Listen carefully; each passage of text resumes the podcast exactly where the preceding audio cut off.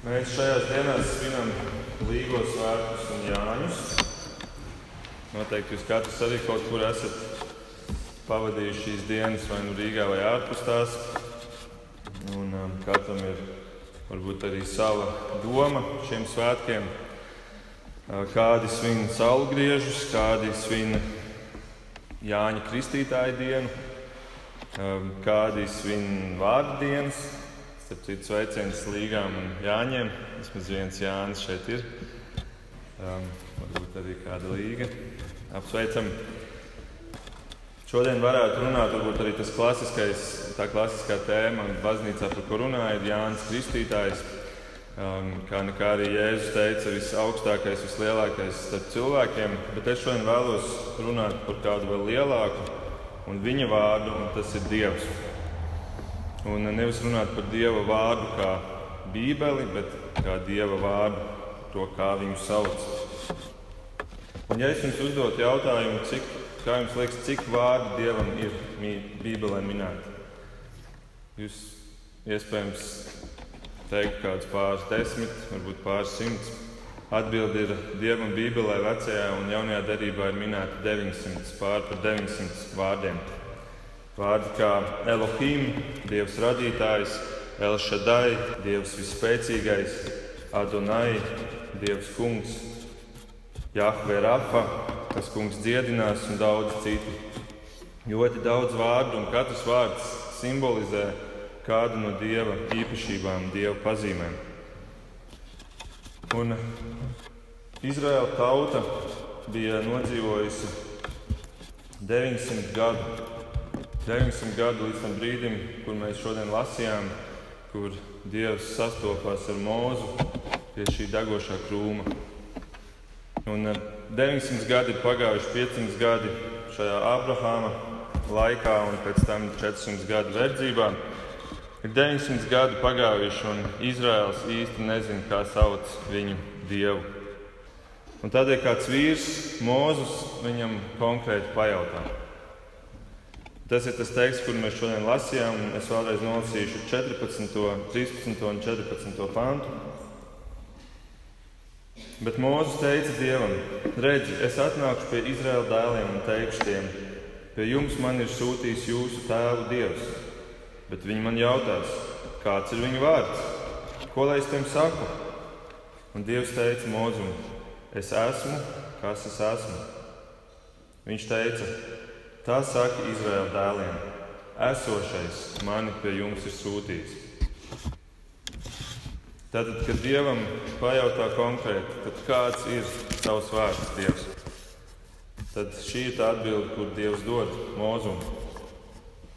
Un mēs varam padomāt par jautājumu, kādēļ cilvēkiem un personām ir vārdi. Kas ir tas iemesls, kādēļ katram no jums un man ir savs vārds? Droši vien tā galvenā, tas galvenais iemesls ir tas, lai mūs atšķirtu. Ja mēs visi būtu Jāņi šorīt šeit, tad visticamāk tas mums radītu problēmas mūsu ikdienas dzīvē. Bet agrāk ne tikai tas bija iemesls, agrāk bija ļoti izteikta nozīme katram vārdam. Katrs vārds apzīmēja kādu raksturu īpašību, kādu mērķi dzīvē, kādu iemeslu, kādu statusu. Kā jau es minēju, Dievam bija vairāk kā 900 vārdu, un visi šie vārdi kaut kādā veidā paskaidro, kāds ir Dievs. Mēs varam atgriezties pie pirmiem cilvēkiem, un mēs redzam, ka Ādams nosauc savu, savu sievu par ievu. Un vārds ieva nozīmē visas dzīvības māte. Un tā ir patiesība. Pirmā sieviete, visas dzīvības māte. Ābrāmam bija vārds Ābrāms, un Dievs viņam izmaina, izmaina šo vārdu, pieliekot vienu sildu klāt uz Ābrahāms. Un tas tā nozīmē ir tēvs daudzām tautām. Un arī tā ir patiesība. No viņa nāk šī Izraēla tauta un, un, un bērni kā smiltis jūr, jūras krastā. Sārējai nomainās vārds uz sāru, Jēkabam tiek izmainīts vārds uz Izraēlas un tā tālāk. Un, un šī vārda maiņa ir pat tāda svarīga pagrieziena um, vieta cilvēku dzīvēm. Es jau esmu minējis, ka man agrāk bija darba kolēģis, kurš tagad ir pārvācies uz dzīvi Izrēlā. Tad, kad viņš dzīvoja Latvijā, viņam vārds bija Raivs. Tad, kad viņš konvertējās uz jūdaismu, ortodokso, tad viņam izmainījās vārds uz Benjamīns. Tagad viņš ir Benjamīns, tagad viņu labāk vairs nesauc par Raivu.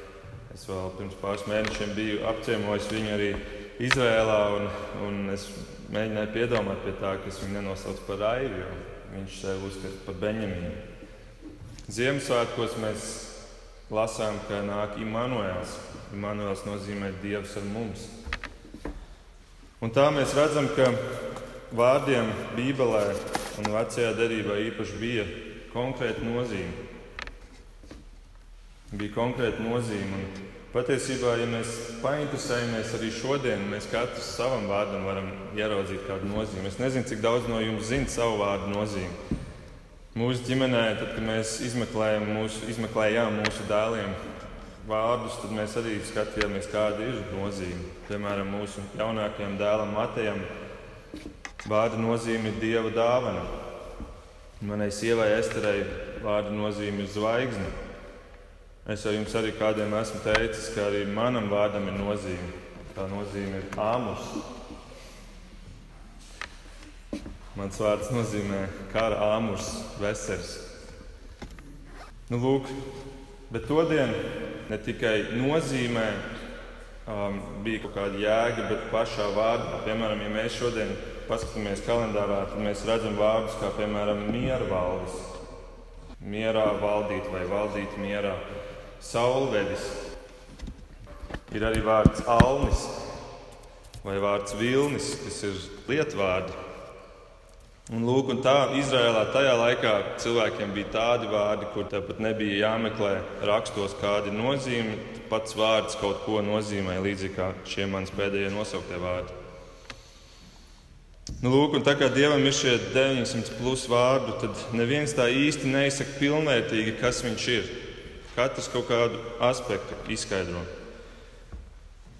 Un tas ir tāpat kā Dievu nevar ielikt vienā templī, Tā kā Izraels uzcēla dievam templi, bet, bet dievs nevar ietilpt fiziskā templī, un tāpat arī dievs nevar ietilpt fiziskā vārdā.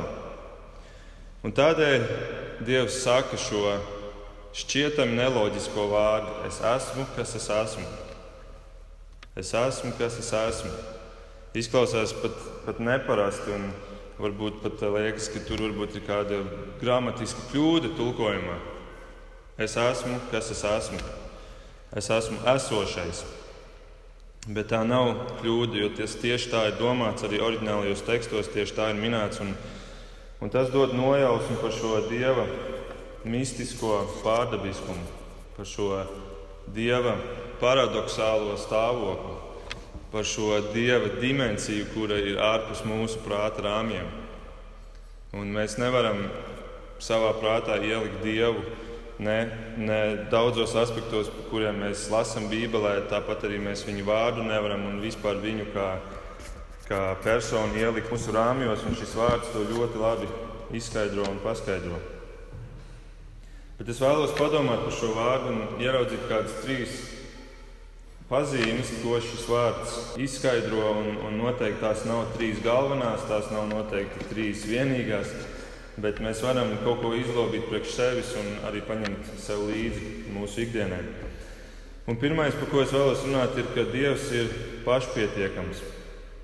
Jūs zināt, Amerikas prezidents šobrīd ir Donalds Trumps. Viens no iemesliem, kādēļ viņš bija tik populārs un kādēļ viņš arī, es ticu, ieņēma šo, šo amatu, varbūt pat augstāko amatu, amatu kāds cilvēkam šobrīd pasaulē ir pieejams, Viens no galvenajiem iemesliem bija tas, ka viņš pats sevi finansēja. Vismaz tā viņš pasniedz. Viņš teica, ka viņam ir nauda pietiekami daudz, tāpēc viņš ir neatkarīgs. Viņam neviens nevar neko samaksāt un uzpirkt. Viņš nav ietekmējams, viņš neņem ziedojumus.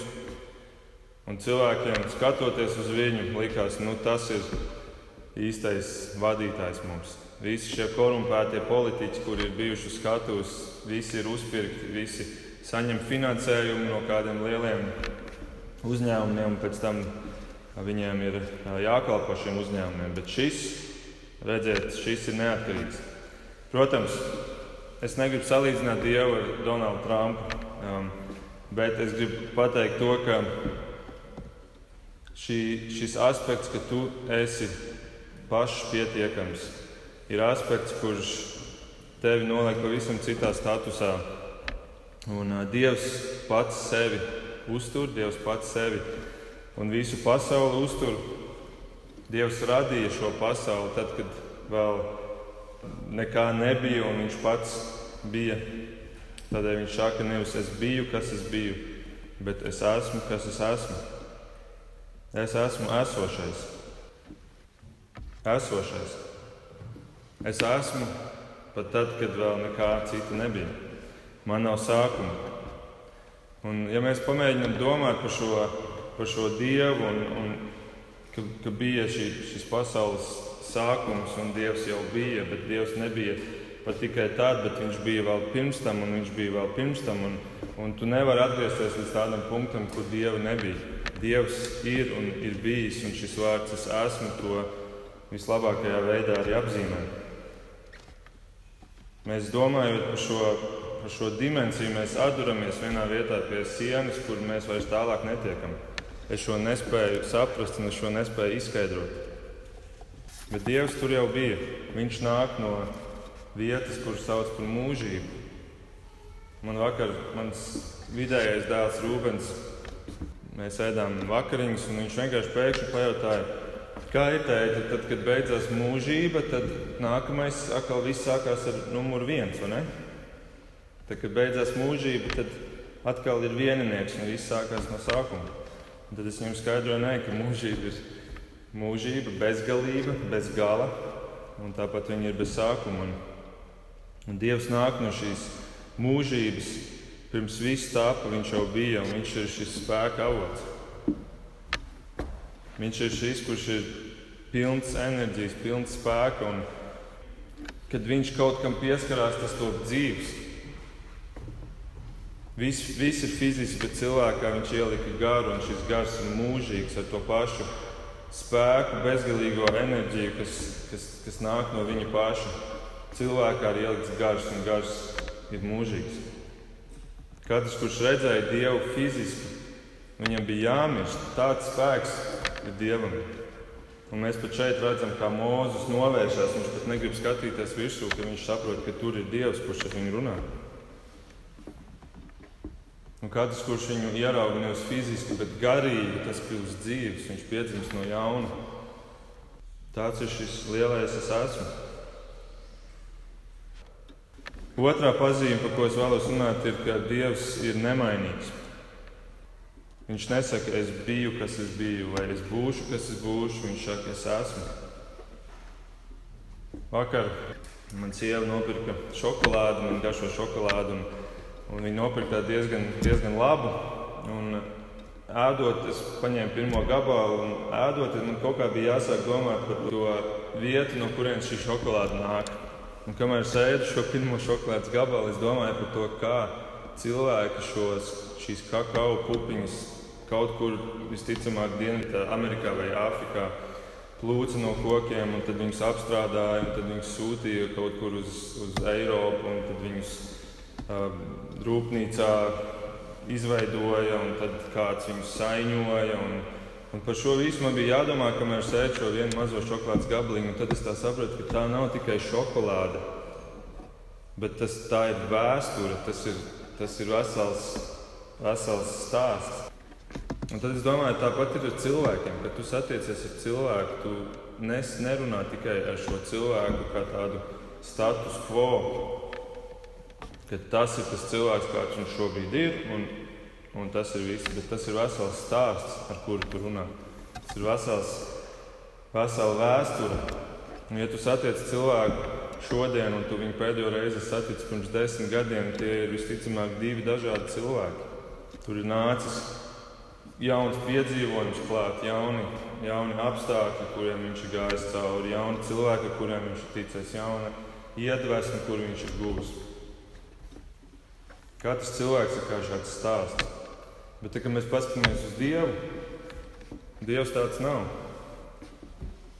Viņš ir es esmu, kas es esmu. Tas, kas viņš var būt pilnīgs, pilnīgā stāvoklī. Tāds viņš ir jau no pirmās dienas. Un pirmās dienas pat nav, jo viņš ir mūžīgs. Bet tāpēc Dievs saka, ka viena diena man ir kā tūkstots gadi, un tūkstots gadi kā viena diena. Šis es esmu dzīvo ārpus tāda laika ierobežojuma, kur laiks viņu ietekmē vienā vai otrā veidā. Viņš ir ne tikai pašpietiekams, viņš ir nemainīgs. Viņš iet cauri laikam, bet laiks viņam nav ierobežojums. Mūžība ir ārpus laika, un dzīv, Dievs dzīvo šajā mūžībā.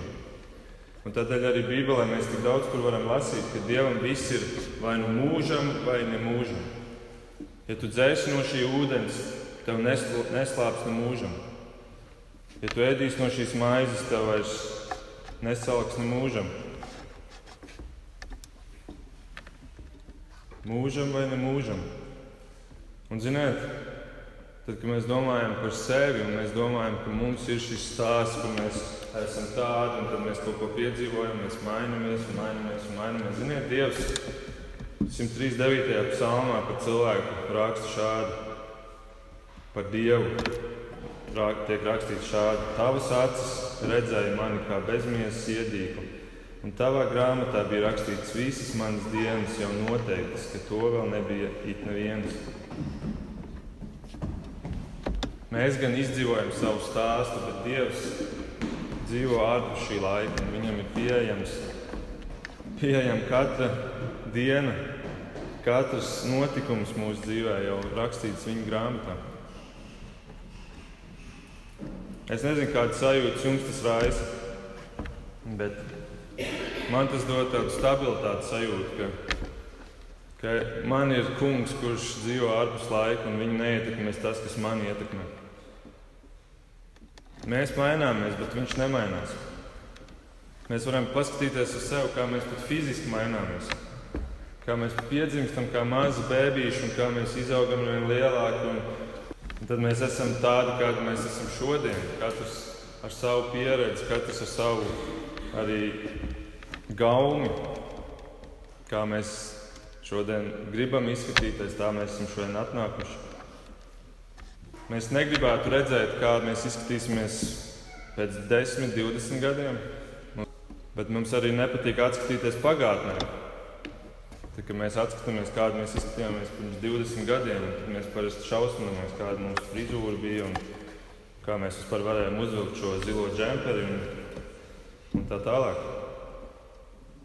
Un tur mēs jūtam šo, ka, ka šodiena ir, ir tā realitāte. Mēs negribam ne īsti skatīties atpakaļ, ne arī skatīties uz priekšu. Bet Dievs ir nemainīgs. Viņš uz desmit gadiem bija tieši tāds pats, kāds viņš būs pēc desmit gadiem. Ja mēs uztaisītu tādu fotogaleriju, kur mēs uzliktu bildi pirms tam, pēc tam, ne, kā jūs zinat, ka remonta darbos un citās, citos gadījumos tu izveido šādu pirms tam, pēc tam salīdzinājumu.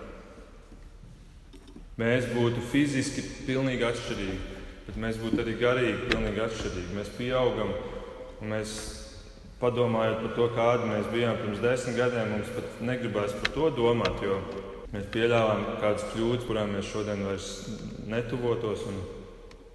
Bet Dievs ir nemainīgs. Šis es esmu ir nemainīgs, Viņš pirms tam un pēc tam parādītu vienādu bildi. Ja mēs varētu šo bildi redzēt, tad tā bilde būtu Jēzus seja. Šis Jēzus ir tas pats, tad, kad viss tika radīts. Un viņš ir tāds pats, tā, kad viņš bija pirms 2000 gadiem Izrēlā, staigāja pa svēto zemi. Un viņš ir tāds pats šodien, esot mūsu dzīvēm. Mēs sākam eksistēt tikai tajā brīdī, kad mēs tiekam ieņemti, bet, bet šis Jēzus ir eksistējis pirms piedzimšanas. Un tāpēc mēs pirmā mūža grāmatā un arī Jāņa pirmajā nodaļā lasām, ka Iesākumā bija vārds, un vārds bija pie dieva, un vārds tāpa miesa. Un tādēļ arī Jēzus saka, pirms Ābrahāms bija es esmu. Pirms Ābrahāms bija es esmu. Un pēc tam viņš vēl septiņas reizes saka, es esmu durvis. Es esmu labais gans. Un katru reizi šis es esmu ir tieši tas pats vārds, ko Dievs šeit piemin sarunā ar mūzu. Un tā atnāk Jēzus un viņš izskaidro šo es esmu. Viņš atnāk un viņš to piepilda. Viņš ir tas pats, es esmu. Un tad mēs redzam, ka gan vecajā derībā, gan jaunajā derībā tas ir tas pats Dievs. Viņš ir nemainīgs un viņa nodoms ir nemainīgs. Un Jāņa 10. Jēzus vēl vairāk izskaidro, viņš saka, es un tēvs, mēs esam viens. Es un tēvs, mēs esam viens. Šis lielais es esmu ir pašpietiekams, viņš ir nemainīgs. Un trešais, par ko es vēlos runāt, ir, ka viņš ir arī bijājams. Un man liekas, ka tā ir tēma, kura mūsdienās arī kļūst ar vien aktuālāka kur baznīca un, un kristīgā draudzene grib arvien vairāk sajaukties ar sabiedrību, kur viņi jūt šo spiedienu, ka arvien mazāk cilvēku nāk uz baznīcu, tāpēc mums ir jākļūst līdzīgākiem, mums ir jākļūst saprotamākiem. Mums ir jākļūst, jā, formā mums ir jā, jākļūst saprotamākiem, bet, bet ir uh, robeža, kur mēs nedrīkstam pārkāpt. Un, Jēzus šo es esmu izskaidrojis, kad viņš atnāk šeit, un arī šo aspektu par bijāšanu. Es domāju, mēs arī par to varam mācīties no viņa. Daudzi iztēlojās Jēzu tādu, kādu viņi, kādu viņi paši grib. Bet Jēzus saka to pašu, ko Dievs saka Mozum. Es esmu, kas es esmu, nevis tas, ko tu iztēlojies. Es esmu, kas es esmu. Šie vārdi arī ietver šo nopietno domu, ka viņš ir tas, kas viņš ir. Un tu tur nevari pielikt ne kaut ko klāt, ne atņemt kaut ko nost. Jāņa 4. nodaļā mēs lasām vārdus, kur, kurus pats Jēzus saka 4.23. Bet nāk stunda, un tā ir jau tagad, kad patiesie dievlūdzēji, patiesie dievlūdzēji Ir arī nepatiesie dievlūdzēji, viltus dievlūdzēji, liekuļi dievlūdzēji. Bet nāk stunda, kad patiesie dievlūdzēji pielūgs tēvu garā un patiesībā. Garā un patiesībā. Patiesībā nevis paši izdomātā vīzijā par to, kāds ir Jēzus. Un tad viņš turpina, jo tēvs meklē tādus, kas viņus tā pielūdz.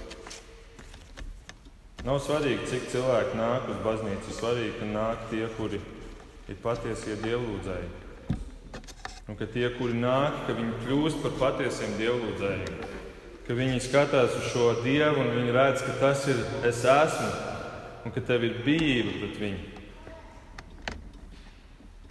Nevis, ka es nāku un man ir mans priekšstats par Jēzu un Jēzus pakārtosies manā dzīvē, manām interesēm un manam laikam. Un, Un es pielāgošu to jēzu tā, kā man ir ērtāk. Viņš ir lielais, es esmu, un mēs tur nevaram pielikt ne kaut ko klāt, ne kaut ko noņemt nost. Un tāpēc pārbaudiet arī savu ticību, arī ņemot Dievu vārdu rokā un skatoties, ko Dieva vārds māca, vai kāds ir Jēzus šī, šī attieksme pret to, misiju, kurā viņš iet, vai viņš ir tikai pozitīvs, vai viņš arī ir gatavs ielikt roku brūcē, vai viņš ir gatavs pamācīt savus, savus mācekļus, vai viņš māca arī draudzē pamācīt cilvēkiem, tad, kad viņi redz grēku. Kāda ir vispār attieksme pret grēku? Šis lielais es esmu ir patiesība, un Tēvs meklē tos, kuri ir gatavi pielūgt viņu patiesībai kuri gatavi pienākt ar bijību un atzīt, tu esi, es esmu lielais. Un, kā jau es teicu, tas tik ļoti pietrūkst šodien. Un arī varbūt kaut kādā mērā ne tikai ar kādu attieksmi sirdī, bet arī reizēm tas ir kā, kādus vārdus mēs izvēlamies runājot par viņu. Kā mēs dziedam dziesmas, kad mēs esam šeit. Vai mēs viņus nodziedam, tāpēc, ka tur ir rakstīts teksts, un tāpēc, ka tur ir trīs panti, un tāpēc, ka tagad ir nosaukts šis numurs, un tāpēc mums viņš ir jādzied? Vai es mēģinu padomāt par šiem vārdiem un viņus pateikt Dievam, kurš šajā brīdī arī to dzird? Kāda ir attieksme par to, kā es ģērbjos, kad es nāku pie viņa? Mums patīk ģērbties uz kāzām skaisti. Mums patīk uz, uz uh, dzimšanas dienām skaisti iesaņot dāvanas, padomāt par to. Bet kā ir tad, kad mēs nākam pie mūsu Dieva? Un es piekrītu cilvēkiem, kuriem saka, bet viņš taču ir mūsu tēvs. Jaunajā derībā Dievs ir kļuvis par tēvu. Viņš vairs nav Dievs ļoti kā vairāk tēvs. Es piekrītu, jā, bet pret tēvu ir arī jābūt vidībai. Un es to ar saviem dēliem ļoti jūtu, cik tas ir svarīgi un ka tas ir jāmācās. To nevar sagaidīt no bērna, ka tas pats no sevis nāks. Veidojās šī, šī, šī, šī pretošanās, un gribās pašam izdomāt savus noteikumus, un gribās pateikt nē. Bet tev šī bijība ir jāmācās. Un arī, kad Dievs ir kļuvis par tēvu, šī bijība nedrīkst pazust. Kad mēs par šo tēmu ar Raimondu, kurš arī šeit sludina, sarakstījāmies, tad viņš ļoti labi uzrakstīja, ka jo tuvāk tu nāc Dievam, jo lielāka bijība tev ir. Jo tuvāk tu nāc Dievam, jo lielāka bijība tev ir pret šo Dievu. Un līdz ar to mēs varam teikt, ka tā bijība ir kā tāds termometrs, kur tu vari redzēt, cik tu tuvu esi Dievam. Cik tu esi tuvu Dievam. Un tad, kad mēs paskatāmies uz mūzu, ka viņš pietuvojās šim krūmam, viņš apzinās, ka viņš ir tuvāk Dievam nekā viņš bija pirms 15 minūtēm, un viņam veidojās šī bijība. Tātad lielais es esmu pašpietiekams, nemainīgs un bijājams. Un noslēgumā, kas ir tā mācība mums šodien? Ko mēs varam paņemt sev līdzi? Vai mēs apzināmies, ka mēs katrs esam sūtīti misijā? Vai mēs to apzināmies? Tāpat kā Mozus šajā notikumā, viņš patiesībā tiek sūtīts misijā. Šī sastapšanās ar Dievu nav tikai tāda sveiks, mūzu. Mēs tagad gribam iepazīties personīgi un Un, un tad jau kādu citu reizi atkal satiksimies un parunāsimies. Dievs sastopās ar mūzu ar konkrētu mērķi. Un katrs cilvēks, katrs Dieva bērns, kurš sastopās ar Dievu un ir sastapies un ir kļuvis par Dieva bērnu, viņam ir iedots līdzi šis mērķis, šī misija. Un, ja es pajautātu, Katram no jums šodien, vai jūs zinat, kas ir jūsu misija šajā dzīvē, šajā dzīves posmā, šajā vietā, kurā jūs esat? Vai jums būtu atbilde? Vai jums būtu atbilde? Kas ir mana misija? Ko man Dievs ir iedevis līdzi kā manu misiju? Varbūt mēs šaubāmies. Nu, nē, nu, Dievs man, nu, es neesmu nekam derīgs. Un arī tā ir, diemžēl, pazīme, kas, kas šodien izplatās. Neticīgi, ticīgie. Varētu teikt, tā, ka tā kļūst par tādu sērgu. Ka tu netici vairs sev, tu netici tam, kas tu esi Dieva acīs. Mēs dziedājām dziesmu, kur mēs dziedājām par to, ka mēs esam ķēniņi bērni, baltās drēbēs ar zelta um, rotājumiem. Vai mēs tam ticam? Vai mēs to tikai tā nodziedam, jā, jā, tas tur ir rakstīts. Vai mēs tam ticam, vai mēs saprotam, ka mēs esam sūtīti misijā un ka, ka mēs esam šie Dieva bērni, kuriem ir dota šī vērtība Dieva acīs. Ziniet, Mozus arī šaubījās, tad, kad Dievs viņam to pasaka. Viņš saka, ko es, kas es tāds esmu, lai es tagad Izraēlu tautu, tavu izredzēto tautu vēstu ārā no Ēģiptes. Kas es tāds esmu? Bet tādēļ arī ir šodienas šī uzruna, jo es gribu, lai mēs saprotam, kas ir tas, kurš mūs ir sūtījis misijā. Tas ir šis pats lielais es esmu. Tas ir tas pats nemainīgais Dievs, kurš šodien satikās ar mūzu. Un viņš ir tieši tāds pats arī šodien, un tad, kad viņš sastopās ar mums, tad viņš sūta mūsu misijā. Un, ziniet, tās trīs lietas uz mums attiecās šādi. Pašpietiekams Dievs ir Dievs, kuram nav nekas vajadzīgs no mums. Mēs neko nevaram viņam iedot vairs. Viņš ir pašpietiekams.